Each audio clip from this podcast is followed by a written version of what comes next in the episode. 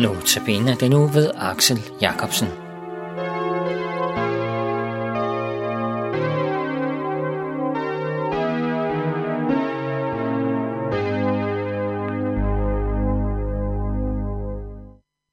Vi skal i dag høre nogle vers fra salme 33 i det gamle testamente.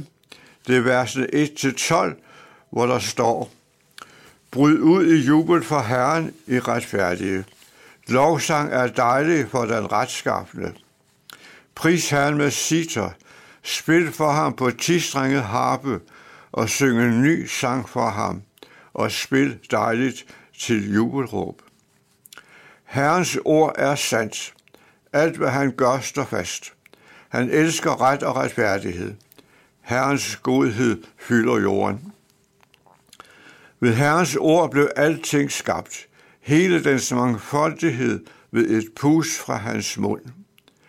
Han samler havets vand som i en lædersæk, og det store dyb i sine forårskamre.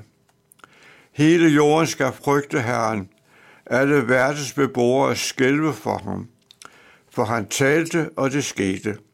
Han befalede, og det stod der. Herren gør folkeslagenes råd til intet. Han hindrer folkeslagenes planer.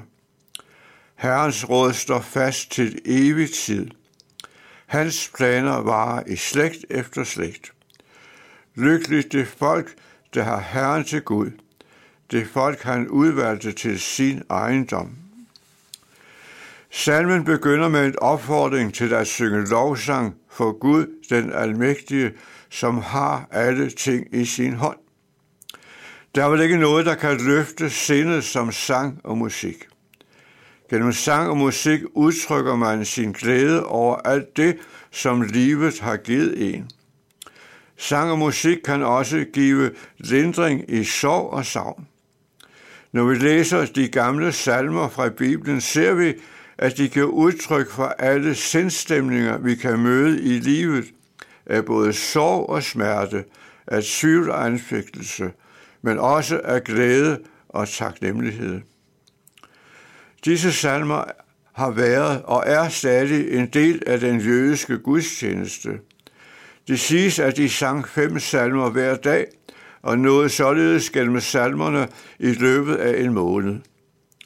Denne flittige brug har betydet, at man kunne mange af salmerne udenad, og man har givetvis også brugt dem i sit bønsliv. Salme 33, som vi samles om i dag, forkynder Guds almagt og alviden. At hans ord er sandt. Hans ord er til at stole på og sætte sin lid til. Det er en af grundene til at takke Gud.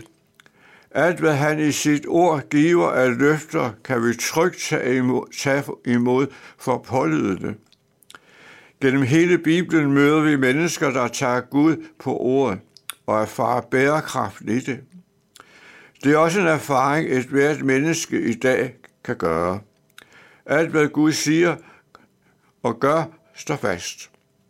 Det betyder, at vi i troen på ham har fast grund under fødderne. Gud er skaberen. Ved sit ord skabte han himlen og jorden med al dens mangfoldighed.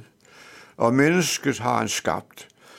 Når man ser skaberværket, universets uendelighed, alt det skabte, må vi sige med David, når jeg ser din himmel, dine fingres værk, månen og stjernerne, som du satte der, hvad er da et menneske, at du husker på det? Et menneskebarn, at du tager dig af det. Gud har al magt i himmel og på jorden. Han gør folkeslagenes råd til intet. Med andre ord, Gud styrer også historiens gang, selvom det unægteligt ser ud til, at det er helt andre kræfter, der råder. Der er i denne salme en utrolig spændvide. Gud er skaberen og den, der har al magt i himmel og på jord. Men han ser også til det enkelte menneske på denne jord. I vers 13 i salmen lyder det, Herren ser ned fra himlen, han ser alle mennesker fra sin bolig, betragter han alle dem, der bor på jorden. Han har skabt alle hjerter og giver agt på alle deres handlinger. og hans øjne hviler på dem, der frygter ham, og som venter på hans godhed. Han redder dem fra døden og holder dem i live under hungersnød. Når vi tænker på hunger, hungersnød, tænker vi som oftest på de hungerkatastrofer, der er rundt omkring i verden, og som vi i den rige verden har pligt til efter bedste evne at afhjælpe. Men der er en anden form for hungersnød. Der er mennesker i denne verden, som ønsker at høre eller læse Guds ord, men som ikke ved, hvordan det skal ske. Der er ikke nogen kristne at tale med. Der er kristne menigheder, som på grund af myndighederne i det land, hvor de bor, er forbud mod at eje en bibel. Og derfor må man i skjulte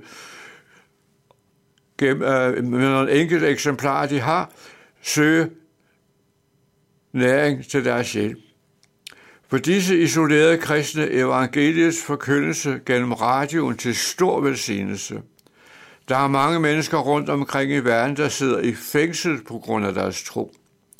Men de ord, der er sået i et menneskes hjerte, kan ingen fratage dem. Der sidder mange kristne i fængsel, som forkynder evangeliet for deres medfanger, fordi de er grebet af Kristus og bringer mange til tro. Det er tit under de mest vanskelige forhold. Evangeliet beviser sin sprængkraft, og at troen kan bære igennem selv de værste lidelser. Tak, Jesus, at du har omsorg for det enkelte menneske, og tak, at du er skaberen. Amen.